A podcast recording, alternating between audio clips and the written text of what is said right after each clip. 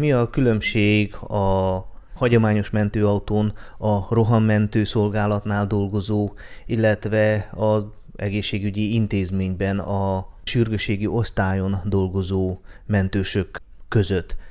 Egy rohammentőnek más a felszereltsége úgy orvosságok szempontjából, mint a gépek szempontjából, és a személyzet fölkészültsége is más. Mivel több szinten dolgozunk, vannak bizonyos kurzusok, amiket elvégzünk, ezt nem is lehet másképp csinálni, csak hogyha folytonosan fölkészítjük magunkat, tanulunk. Mekkora felkészültséget, illetve elhivatottságot igényel ez a szakma? Először is ezt az asszisztensi posztliciális iskolát el kell végezni. Azután beszéltem ezekről a kurzusokról, hogyha olyan munkahelyre kerül, és annyira el van határozva, és először is szeretni kell ezt. Ez az első dolog, hogy szeretni kell, hogyha valaki szeret valamit, akkor folytonosan fölkészül rá, tanul. Sokat jelent mondjuk a családi háttér, a családi indítatás? Úgy tudom, az ön szülei mindketten az egészségügyben dolgoztak, az öccse tűzoltó, tehát mindenki valahogy az életmentés körül tevékenykedik, tevékenykedett. Mondjuk a betegápolás körül a szüleim, nem az életmentés, de a testvérem én utálnom lett, és a tűzoltóknál dolgozik, elsősegélynyújtó mentőautón, lehet, hogy ez is számít, ez a családi háttér. De én úgy indultam, hogy állategészségügybe készültem föl. És volt egy lehetőségem, hogy elmenjek a kórházba dolgozni, először mint beteg ápoló. Miután megjelent 2000 után ez a dolog a smurdal, meg a sürgősséggel, nekem ez nagyon megtetszett, és akkor határoztam el magam, hogy megcsinálom ezt az asszisztensi iskolát, akkor megjelent egy, egy olyan fölkészülési lehetőség, hogy egyetem, és ez lebegett a szemem előtt, a smurd, meg a sürgőség. Hány éve már? Hát én 2006-ban végeztem, 16 éve ebben a szakmában dolgozom. Pontosabban 16 éve a sürgősségen, és 2008-2009 óta a Smordon, 2011 óta a légimentő kötelékében is. Az ember talán bele sem gondol abba, mielőtt ezt a pályát választja, hogy naponta találkozik majd tragédiákkal is. Fel lehet erre készülni előre? Vagy az iskolában, illetve majd a következő továbbképző tanfolyamokon lelkileg is felkészítik erre a leendő mentősöket? Sajnos az iskolában erre, erre nem készít föl senki. Utólag voltak kurzusok, ahol megemlítették, hogy miként kell hozzáállni a dolgokhoz, miként kellene feldolgozni magunkba ezeket a dolgokat, de ez szerintem sokat függ az ember lelki erejétől is. Önnek van egyfajta lelki tréningje ehhez? Nem, nekem nincs egy lelki tréningem erre. Sokat látunk, sok tragédiát átélünk az emberekkel együtt, ott nem lehet kimutatni, ott segíteni kell. Ez az elsődleges szempont, hogy olyankor az emberen kell segíteni, és nem sírdogálni, meg bánkódni rajta. De, de megtörtént sokszor, hogy utána nagyon meggondoltam, és nagyon szomorú voltam a, a látottak után. Hogyan hagyja este le a fejét egy, egy műszak után, vagy éppenséggel egy éjszakai műszak után reggel, amikor lepihen, hogy elégedetten, hogy sikerült valakin, vagy valaki kell segíteni, netán csalódottan, vagy megrázzák, megérintik a történtek? Hát ez egy egyveleg mindenből. Nagyon megelégedetten sokszor, csalódottan olyankor, mikor valaki elhalálozik, nem a mi hibánkból, hanem ez az élet rendje sokszor nem tudunk segíteni, mert, mert olyan súlyos a betegség, vagy az a baleset, vagy nem, ez az élet normális menetes, akkor ezt így is kell felfogni. Naponta körülbelül mekkora területet járnak be? Hát a rohammentővel általában itt a városba, de a megyébe is ki szoktunk szállni, és esetleg súlyos betegeket mentőautó a rohammentővel át szoktunk vinni Temesvárra. Volt olyan eset ritkában, hogy Váradra, de mióta megvan a helikopter és a légimentő szolgálat, akkor ezeket a hosszabb utakat, Várad, Kolozsvár, ezeket már a, már a légimentő látja el.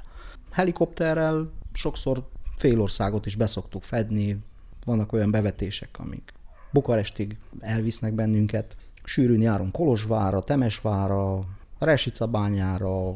Hogy néz ki egy műszak, ami esetleg több is lehet, mint egy nap? Amikor munkában vagyunk, akkor állandó készenlétbe kell lenni, föl kell lenni készülve, a rohammentővel el kell indulni egy perc alatt nappal, két perc alatt éjszaka, de állandó fölkészültségben vagyunk beöltözve, arra is kell vigyázzunk, hogy mindig a mentőautó rendben legyen, a gépek fel legyenek töltve, működjönek. Általában be van osztva, hogy mindenkinek ki mi a felelőssége. Akár több bevetés is lehet egy nap? A bevetések száma az változó. Több mint egy mindig. Volt olyan, hogy például 24 óra alatt a rohammentőn 16 bevetésünk volt, volt olyan, hogy 24 óra alatt 2-3. Ez, ez változó. A csapatok 12 óránként váltják egymást, és így próbáljuk ellátni a feladatunkat. Volt-e olyan eset, ami nagyon megviselte lelkileg, illetve volt-e olyan, ami pozitívumot, egyfajta feltöltődést, erőt adott a folytatáshoz? Én ezt így nem tudom kiemelni, de egy dolog nagyon megviseli az embert, mikor gyerekekről van szó. Mivel gyereke van otthon, minden siker, minden sikeres bevetés megelégedéssel tölt el bennünket. Gyakran hallani, hogy a mentőautóban születik meg egy kisbaba. Volt már része ilyen pillanatban is? Ilyen is megtörtént többször. Ez egy különleges pillanat, amikor a gyerek előtted születik, és először tartod a karjaidban. Igen, ez, ez egy csodálatos dolog. Mennyire keményedik meg az ember, vagy kérgesedik meg a lelke ennyi tragédia láttán? Valamilyen fokon igen, az ember lelke megkérgesedik, de ez nem, nem azért, mert rossz az ember, hanem valahogy egy olyan rutinná válik és azért is, mert megpróbáljuk egy kicsit magunkat távol tartani ettől, de azért bevetések után mi is megszoktuk egy kicsit szenvedni ezeket a dolgokat. Azért nem vagyunk teljesen elkérgesedve. Ha valaki ezután, vagy éppen ezt a beszélgetést hallva dönt úgy, vagy erősödik meg az elhatározás, hogy ezt a hivatást választja magának, mit tanácsolna neki? Mivel kezdje? Hogy álljon hozzá? először is meg kell gondolja, és hogyha szeretné ezt a szakmát, akkor megvan az a lehetőség, hogy önkéntes munkát végezzen, vagy a mentőknél, vagy a sürgősségen, vagy a katasztrófavédelemnél, és ott egy kicsit át tudja élni, meg tudja tapasztalni, és azután eldönti, hogy szeretné ezt a szakmát folytatni. Amellett, hogy mentősként dolgozik, oktatja is ezt, hiszen képzési végzettsége is van, tehát kollégáknak tart felkészítőket, vagy leendő mentősöket képez ki. Óvodás gyerekektől kezdve egészen gyárakig, ahol elsősegély kurzusokat szoktunk tartani.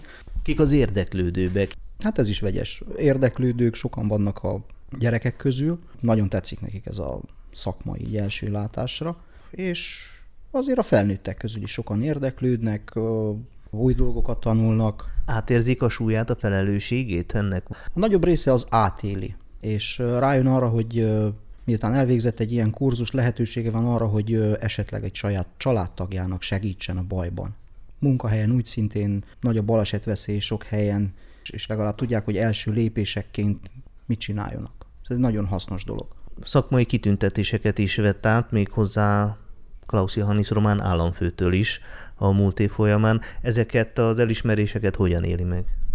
Ezek is egy nagy lökést adnak, hogy tovább folytassam. Ezek a kitüntetések az én önkéntesi munkám elismeréseként jöttek. Két külföldi bevetésen vettem részt. A Covid alkalmával először a Moldvai köztársaságba mentünk segíteni az ottani kollégáknak, és utána a tunéziai köztársaságba, ahol nagyon megnőtt a Covid betegek száma. Megelégedéssel tölt el, hogy a munkád el van ismerve.